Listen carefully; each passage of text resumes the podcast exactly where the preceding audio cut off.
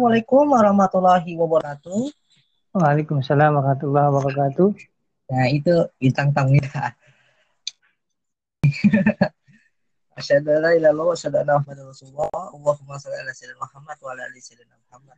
Uh, jadi ini adalah uh, episode perdana dari Islam Talks. Jadi Islam Talks ini merupakan salah satu konten dari di Kang Podcast yaitu podcast ini Nah, jadi apa sih Islam itu? Jadi Islam Talks ini akan membahas segala hal apa pun telah politik, ekonomi, sosial gitu ya.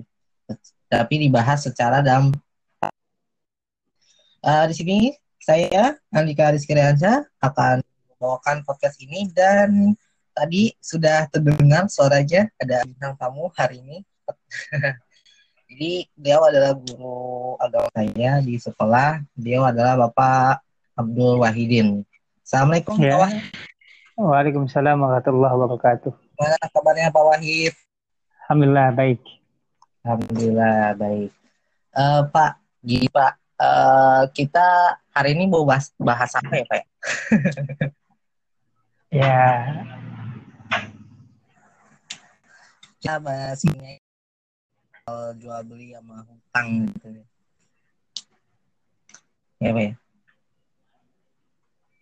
Iya, mangga, silakan. Oke Pak, uh, sebenarnya ini kan uh, jual beli, jual beli sama hutang itu menurut saya itu udah dua hal yang belum kalau Pak. Dari sisi Islam sebenarnya sistem jual kita mulai dari jual beli aja dulu deh Pak. Uh, jual beli itu sebenarnya gimana sih Pak? Kalau menurut Islam tuh gimana? Sistemnya gimana? Prosesnya gimana gitu Pak? Oke, okay, baik. Uh, apa namanya?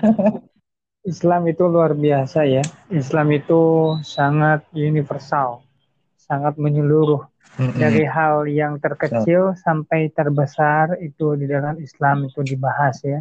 Salah satunya adalah di bidang muamalah atau ekonomi ya. Uh, di bidang muamalah atau ekonomi salah satunya itu ada interaksi yang disebut dengan namanya uh, ya mm-hmm. beli di sini tentu ada syarat dan rukun-rukun tertentu, ya kan?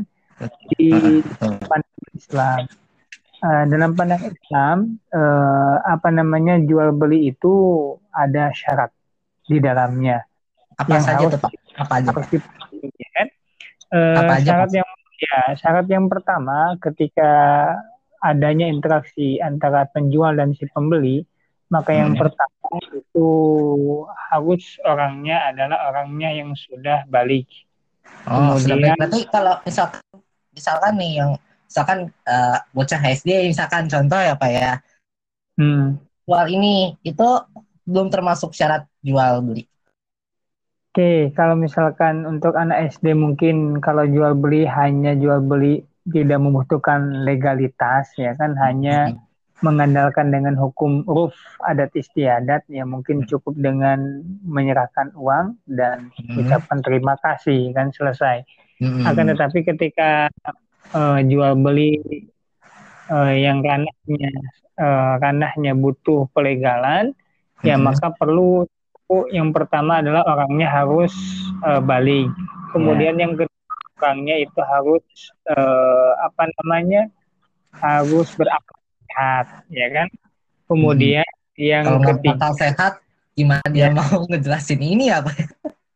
ya gimana mau mengadakan interaksi jual beli kalau misalkan dia gila begitu kan ya bener bener bener iya harus harus memiliki akal sehat begitu atau sehat ya kemudian hmm. mampu ya kan nah itu adalah uh, syarat dari jual beli ya kan okay. kemudian barang yang dijual belikan itu barangnya harus suci, kemudian barangnya itu harus milik pribadi atau uh, wakalah atau penit dititipkan gitu kan. Uh, hmm. apa namanya? Jadi barang itu adalah barang yang tidak sengketa atau barang yang tidak hasil curian atau hasil rampasan. Jadi barang tersebut itu adalah barang ha, milik pribadi begitu.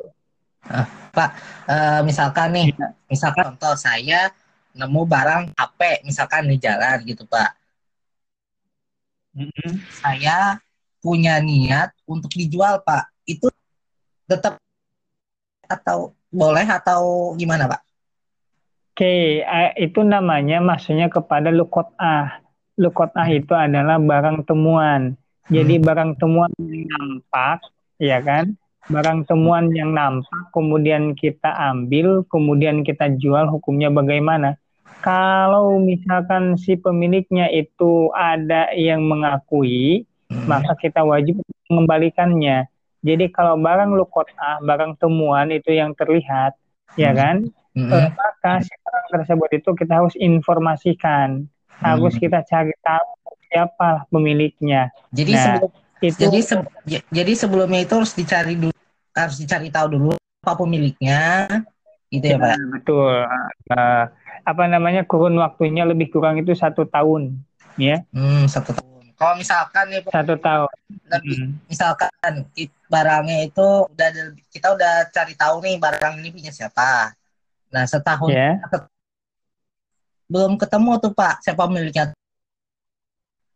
Oke, kalau misalkan dalam kurun waktu satu tahun kita sudah menginformasikan baik via apa namanya informasi lewat lisan ya, kemudian informasi lewat media sosial, misalkan di Instagram, kemudian di WA dan sebagainya, mm-hmm. kemudian tidak ada yang mengakui sampai kurun waktu satu tahun pas, ya maka barang tersebut menjadi milik pribadi kita dan boleh kita gunakan, boleh kita manfaatkan mm-hmm. kalau sudah waktu tahun. Tapi kalau misalkan belum satu tahun, baru misalkan lima bulan, kemudian kita jual lah si handphone tersebut, kemudian eh mari-mari bulan ke-6 itu ada yang mengakui bahwa itu adalah handphone milik teman kita. Hmm. Ya maka kita berkewajiban untuk mengembalikannya. Seperti itu. Hmm, berarti kalau misalkan uh, sebelum satu tahun itu barang itu belum mulai untuk dijual. Tapi kalau misalkan setelah lebih dari setahun barang itu belum ketemu siapa pemiliknya gitu kan ya Pak. Berarti boleh yeah. pakai, boleh kita manfaatkan, boleh kita jual, Pak. Iya boleh ya kalau sudah satu tahun ya. Hmm. Terus gimana Pak? Habis itu setelah itu? Maksudnya gimana? Uh, apa namanya jual beli itu sebenarnya ada berapa Pak? Ada berapa tipe gitu atau gimana? Oh ya jual beli itu ya apa namanya ada jual beli yang di ada jual beli yang dibolehkan, ada jual beli yang diharamkan. Tadi ya syaratnya itu salah satunya adalah barang yang diperjualbelikan itu harus suci, kemudian harus yang halal bersumberkan dari yang halal. Kalau misalkan jual beli barang yang berasal dari barang yang tidak suci atau barang yang eh, apa namanya barang yang bukan halal atau yang haram maka haram diperjualbelikan ya kan mm-hmm. misalkan kita jual belikan barang najis itu haram contohnya misalkan kita menjual beli jual beli apa namanya kotoran kambing mm, kotoran, kotoran ayam di kotoran sapi gitu ya ya sekilo misalkan dua ribu misalkan itu tidak boleh mm. ya berbeda dengan orang yang menjual kotoran yang diperjualbelikannya itu adalah bukan kotorannya tapi upah kerja dia. Misalkan upah e, mengambil kotoran e, kambing ke karung. Dalam hmm. karung itu satu karungnya itu misalkan dua puluh ribu. Hmm. Nah jadi yang dihargai oleh dia itu bukanlah tai kambingnya, tapi adalah upah kerja dia untuk mengumpulkan tai tersebut ke dalam karung seperti itu. Hmm, jadi misal uh, saya misalkan jual tempat pensil nih, misalkan jual tempat pensil, terus saya jual dengan harga segini. Uh, eh enggak enggak, aduh gimana ya? Maksudnya kayak saya jual kayak apa kayak teh kotok gitu ya pak ya, teh kotok gitu. Terus saya jual satu kalinya tiga ribu. Berarti itu bukan termasuk harga bukan termasuk harga si teh kotok ya berarti termasuk upah untuk pembeli kotok kayak gitu ya Pak? ya apa namanya ya tadi yang bapak sudah hmm. sampaikan jadi menjual jual beli barang yang najis jual beli barang yang haram itu hukumnya haram begitu hmm. ya oke okay. tadi kan misalkan kotoran hewan itu kan fungsinya adalah untuk pupuk, untuk hmm. pupuk tumbuhan, hmm. tanaman hmm. gitu kan. Nah, maka yang diperjualbelikannya itu adalah bukan dihargakan si tainya tersebut atau kotorannya tersebut. Hmm. Misalkan kotoran itu dijualkan sekilonya dua ribu ya itu tidak boleh haram hukumnya. Jadi tadi yang dihargakan uh, itu adalah bukan karena tainya atau kotorannya, tapi upah kerjanya dia mengumpulkan dari kandang kambing ke karung, kemudian dia kumpulkan. Nah, maka dia nomina, nominalkan seharga satu karung itu minimal misalkan upah kerjanya dua puluh ribu. Begitu bukan tainya yang dijual. Hmm. harga tainya begitu tapi upah kerjanya dia gitu. Paham ya? Oh paham paham. Itu ya. Oke. Okay. uh, eh, ini pak. Uh, kan sekarang lagi banyak tuh sistem jual beli kayak jual beli emas. Tapi jual belinya itu dalam bentuk cicilan misalkan kita beli emas tapi nyicil hukumnya gimana Pak? Karena saya Oke. Okay. Apa namanya? Jadi tidak semua uh, kredit atau semua cicilan itu di tidak bolehkan. Ada juga cicilan yang dibolehkan. Hmm. Salah satunya tadi adalah adalah proses namanya disebut dengan murobaha. Hmm. Murobaha itu adalah proses ketika kita membeli suatu barang tapi kita nggak punya duit. Hmm. Nah, kemudian kita mengajukan kepada uh, bank syariah atau orang yang memiliki harta lebih. Nah, kemudian misalkan dia beli uh, contohnya uh, beli motor ya hmm. ya kan. Ketika beli motor dia lunas kontan 23 juta, dia tidak mampu, tidak ada uang gitu kan. Nah, maka dia membelinya secara kredit. Nah, membeli secara kredit itu dibolehkan dalam Islam, itu namanya murobaha. Asas murobaha itu adalah jadi pihak kedua itu melunasi melunasi si motor tersebut seharga 23 juta ke dealer. Hmm. Nah, kemudian nanti dari pihak kedua itu nanti e, berakad kembali kepada si pembeli begitu. Nah, nanti si pihak pembeli atau pihak pertama yang membeli motor tersebut nanti mengredit kepada pihak kedua. Hmm. Nah, sedangkan pihak kedua membelinya kepada pihak ketiga itu secara cash atau lunas. Hmm. Nah, sedangkan pihak pertama membayar kepada pihak keduanya adalah secara angsur ngeredit begitu dengan misalkan DP eh, minimal itu, itu 15 15 sampai 20 persen dari harga. Nah maka nanti sisanya itu uh, dicicil berapa waktu atau berapa bulan begitu dengan kesepakatan bersama. Hmm. Nanti misalkan harganya itu 23 juta, kemudian sama pihak kedua dijualnya menjadi 25 juta misalkan yang maka nanti dikurangi DP, nah maka nanti sisanya itu adalah dicicil dengan seangsuran yang kita mampu. Seperti itu. Hmm. Jadi uh, berarti dari pihak pertama nih misalkan kita pengen beli motor, tapi duit terus nanti kita kerja kita misalkan kita minta pengajuan kredit ke pihak kedua misalkan kayak bank syariah gitu kan ya Pak. Terus nanti syariah itu dia memproses lalu dia membelikan uh, kendaraannya itu secara cash ke si pihak ketiga atau si dealernya atau nanti tidak atau motornya gimana sih maksudnya pak?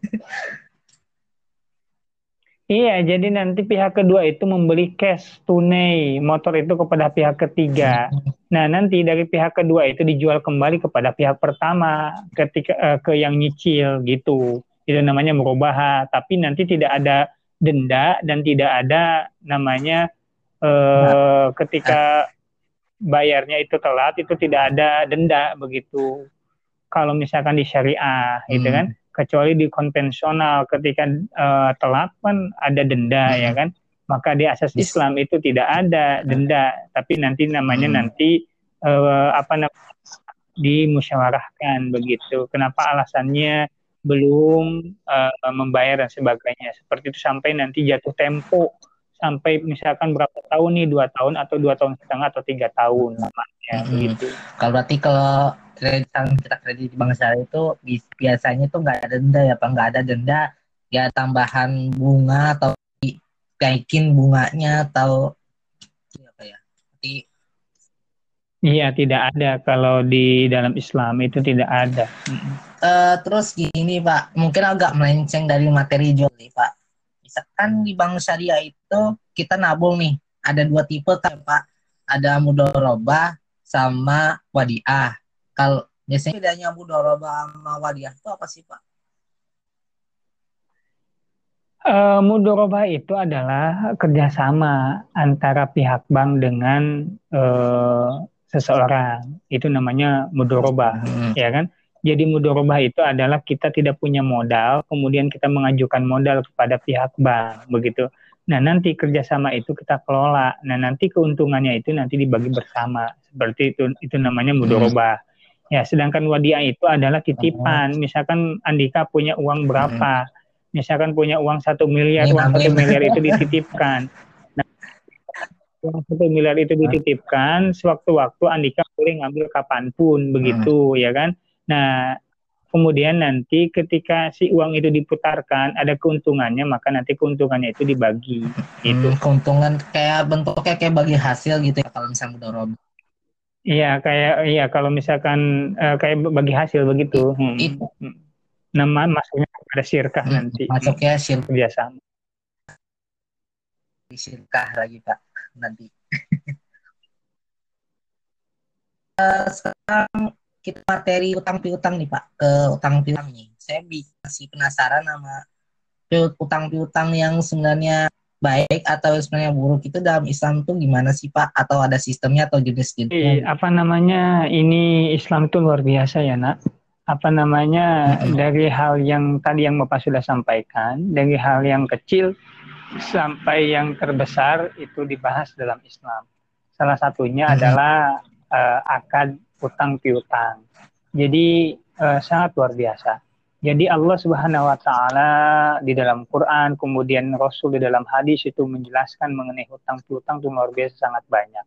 Salah satunya adalah uh, Allah menjanjikan kemuliaan Allah memberikan fadilah-fadilah keutamaan, Nabi memberikan uh, keutamaan, fadilah-fadilah, keuntungan-keuntungan kepada orang yang kaya yang mampu untuk menolong orang yang kesusahan. Nah, akan tetapi Allah dan Rasulullah itu pun memperingati kepada orang yang miskin atau orang yang tidak punya adalah dengan sesuatu hal kemandirian jadi apa namanya walaupun kita tidak punya, walaupun kita miskin, tapi bagaimana caranya supaya kita itu oh, mandiri gitu. Jadi hmm. tidak menerima, menerima saja gitu, tapi ada uh, daya jual begitu walaupun kita hmm. miskin, tapi kita percaya akan itu. Nah inilah Islam. Hmm. Jadi nanti di situ timbullah namanya keseimbangan. Jadi uh, keutamaan yang Allah sampaikan dengan Rasul jadi ketika yang meminjamkan itu diberikan jaminan yang luar biasa sangat banyak, kemudian hmm. ketika yang mau meminjam itu diberikan uh, peringatan supaya kita mandiri seperti itu. Hmm. Supaya kita mandiri, supaya kita berusaha untuk mendapatkan sesuatu yang kita inginkan secara mandiri gitu kan. Iya, begitu. Sebenarnya utang piutang itu ada sih sebenarnya. Ya gimana? Jenis jenis-jenis utang piutang misalkan utang piutang yang bersifat uh, mana ya pokoknya gitu deh jenis-jenis gitu pak. Oke. Ya simpulannya jadi yang namanya utang piutang itu adalah jadi ada orang yang mampu kemudian membantu kepada yang miskin begitu. Ya wa ta'awan 'alal birri wat taqwa wa la ta'awanu 'alal ismi wal udwan. Jadi apa namanya tolong menolong kamu dalam kebaikan dan janganlah tolong menolong dalam keburukan. Bahkan ada satu riwayat atau satu hadis yang mengatakan siapa orang yang menolong saudaranya meminjamkan sesuatu entah itu uang ataupun kebutuhan yang dibutuhkan oleh yang meminjam itu selama dua kali kita meminjamkan maka senantiasa Allah akan memberikan uh, kebaikan atau dinilai sodako satu sodako hmm.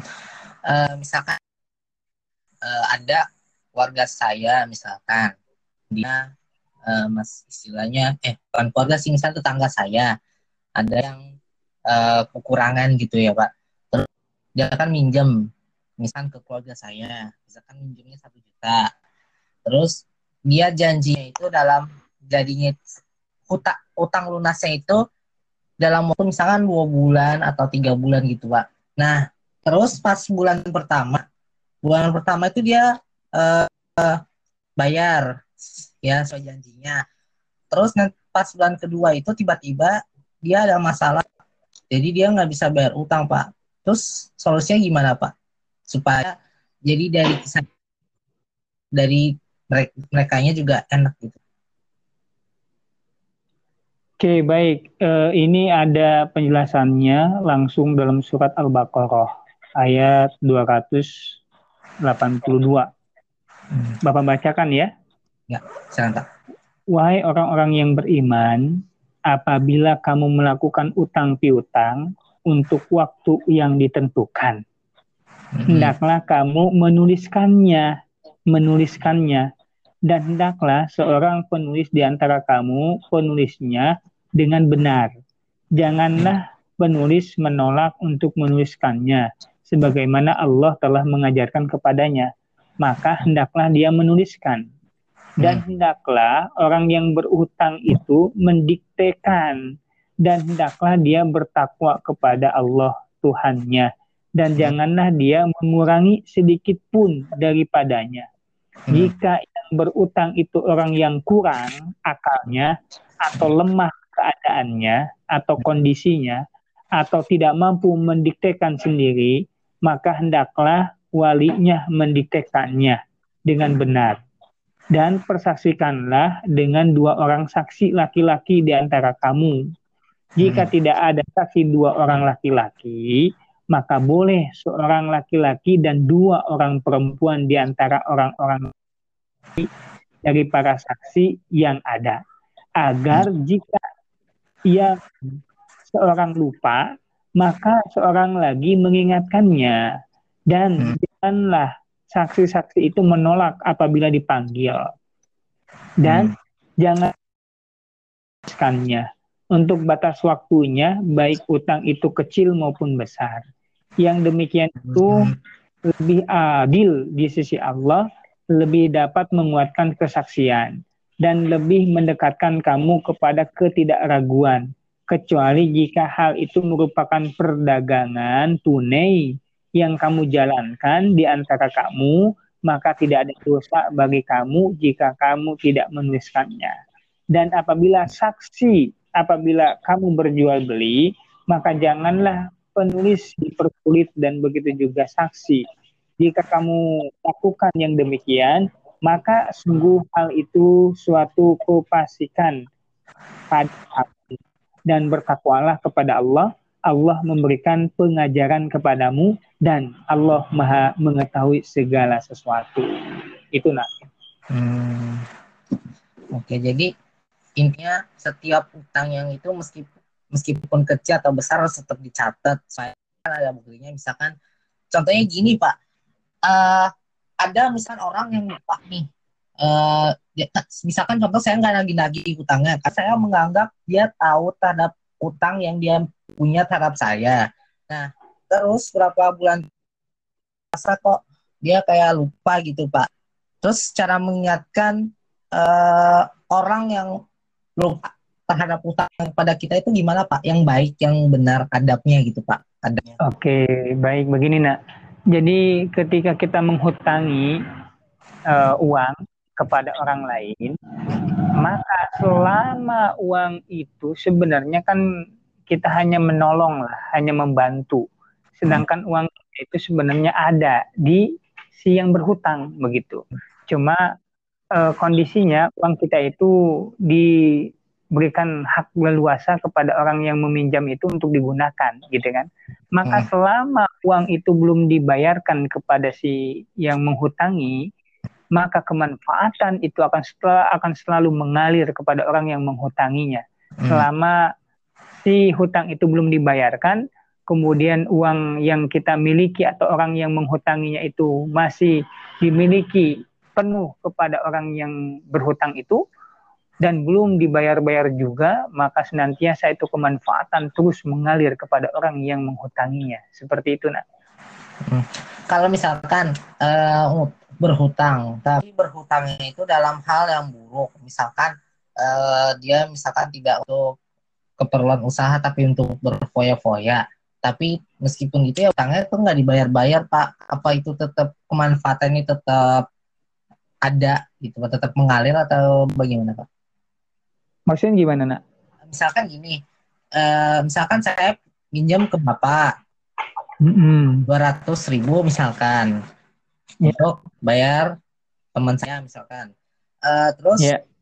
Ya. uh, tapi saya malah memanfaatkan dua ratus ribunya itu untuk berfoya-foya, tetapi uh, saya bayar-bayar sesuai janji saya itu apa kemanfaatan tetap ada tetap mengalir atau gimana pak? Oke baik jadi tadi yang sudah bapak sampaikan jadi ketika kita menghutangi uang kepada orang lain selama uang itu mengendap kepada orang yang berhutang hmm. ya hmm. maka pahala itu akan terus mengalir kepada kita Nah, hmm. maka dalam adab hutang pihutang itu kan ada yang disebut dengan rukun dan syarat. Hmm. Salah satunya adalah ketika kita menghutangi, kan kita tanya dulu tujuan dia menghutanginya itu adalah untuk apa gitu kan mm-hmm. untuk kebaikan atau untuk kemaksiatan mm-hmm. kalau kita tahu itu untuk kebaikan ya maka senantiasa kita wa ta'awanu 'alal birri wat taqwa wa ta'awanu ismi udwan gitu kan mm-hmm. tolong menolong dalam kebaikan janganlah tolong menolong dalam keburukan Hmm. Ketika kita menolong dalam kebaikan, maka senantiasa akan ada kebaikan untuk kita.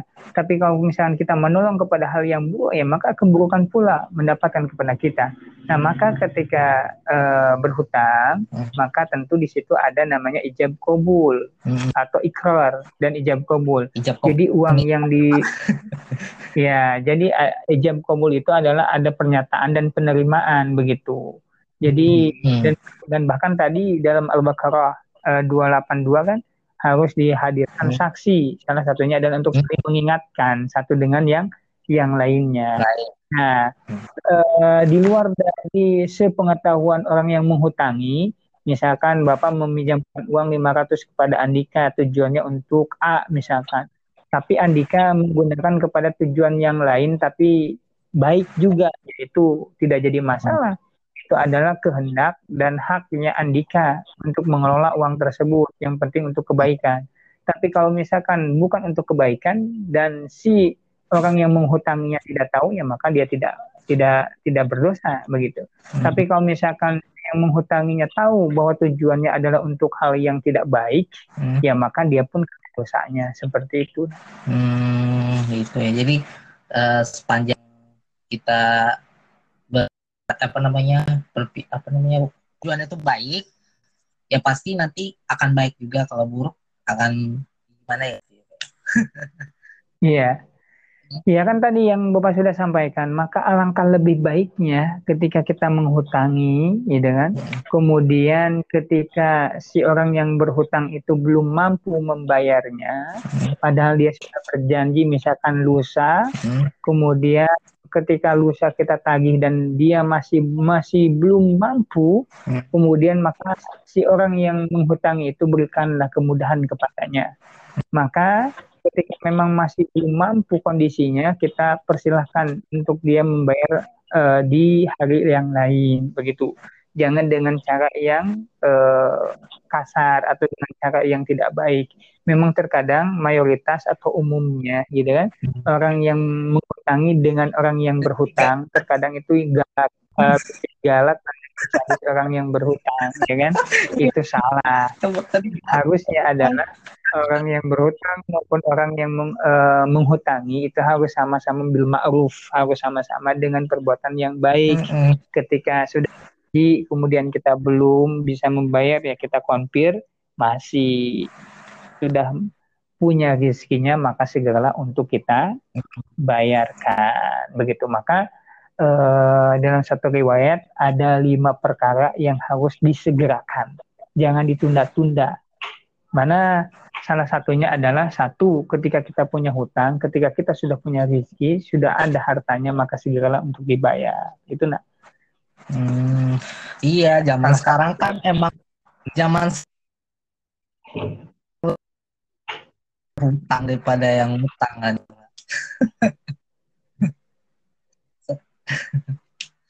Iya Pak, ini ada pertanyaan, ada beberapa pertanyaan Mas.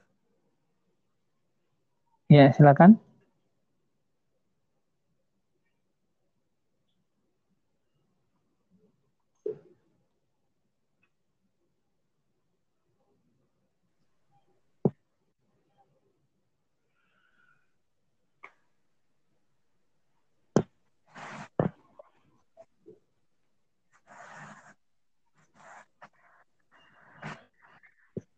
Halo, Pak Wahid. Ya, Assalamualaikum. Waalaikumsalam. Ini Pak, ini ada pertanyaan dari sebentar.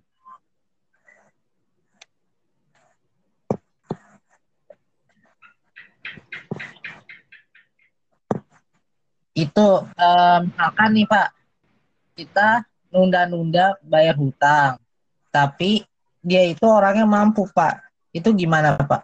Oke, kalau kita menunda-nunda hutang, sedangkan rezeki atau uangnya ada dan mampu untuk membayarnya, maka hmm. kita sama saja dengan melalaikan dan bisa menjadi dosa. Nah, begitu. Itu yang pertama.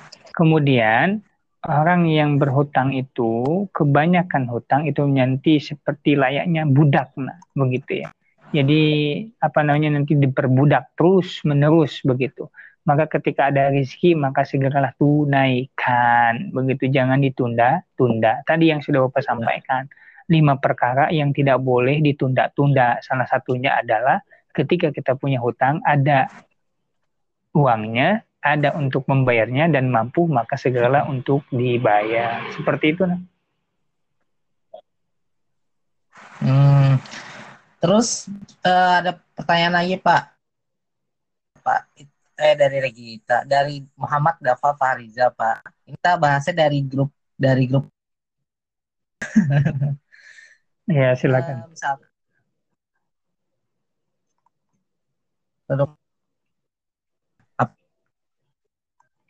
Bagaimana jika kita punya utang, punya utang seseorang, tapi orang itu udah meninggal, Pak? Gimana, Pak? Oke, makanya tadi ya yang Bapak sampaikan, ya kan? Kalau misalkan adab dalam berhutang itu kan salah satunya tadi harus dipersaksikan, ya kan? Ada ada saksi, kemudian harus dituliskan, hmm. begitu, ya kan? Nah, maka ketika hmm. orang yang menghutang itu meninggal dunia, maka ke manakah kita membayar hutangnya? Maka kita membayar hutangnya adalah kepada ahli warisnya, itu, ya. Hmm. Misalkan mohon maaf, contoh hmm. misalkan Andika punya hutang ke bapak, ya kan? Kemudian bapak meninggal dunia, begitu. Ke mana Andika hmm. bayar hutangnya? Ya, Andika bayarlah hutangnya ke uh, istri bapak, gitu, atau ke anak bapak. Bahwa saya dulu punya hutang kepada Cipulan yaitu almarhum ABD Wahidin begitu sebesar sekian. Nah, kemudian saya ingin membayarnya seperti itu. Kenapa? Karena itu namanya hak adami. Jadi hak adami ya maka kita harus tunaikan seperti itu. Hmm, itu. Berarti uh, meskipun utang misalkan yang mengutang itu udah meninggal, berarti kalau misalkan nanti kita bayar utang, saudara rezekinya uh, kita mau bayar ke istri bapak misalkan atau anak bapak misalkan gitu iya kepada ahli warisnya hmm. hmm, oke okay, oke okay. kayaknya seru banget ini udah berapa menit pak nih iya yeah, insyaallah udah berapa menit pak ini pak kita udah ngobrol-ngobrol dari jual beli sampai utang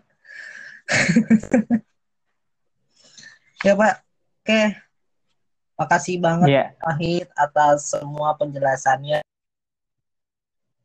Iya, sama-sama. Mudah-mudahan bermanfaat untuk Bapak dan untuk semuanya. Kalau ada baiknya itu semata-mata dari Allah, kalau ada kesalahan dan buruknya itu semata-mata adalah kebodohan dari Bapak sendiri. Iya. Terima kasih Pak Wahid atas semoga bermanfaat ya Pak ya. Amin hanya wabil khusus kepada diri saya pribadi maupun semuanya pendengar setia di Kang Podcast. Terima kasih Pak.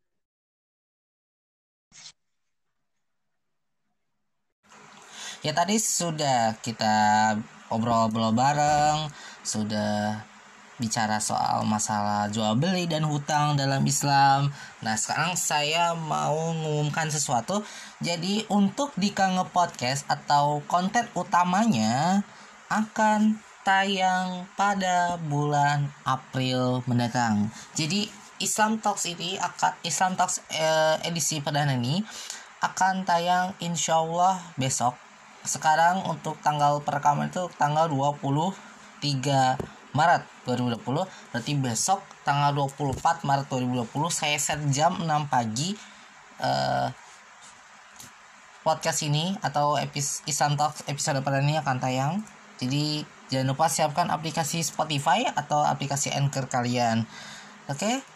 Sampai jumpa di Islam Talks berikutnya dan sampai jumpa di episode perdana di Kang Podcast bulan April mendatang. Sampai jumpa, terima kasih atas perhatiannya telah mendengarkan kita. Kurang lebih maaf. Wassalamualaikum warahmatullahi wabarakatuh.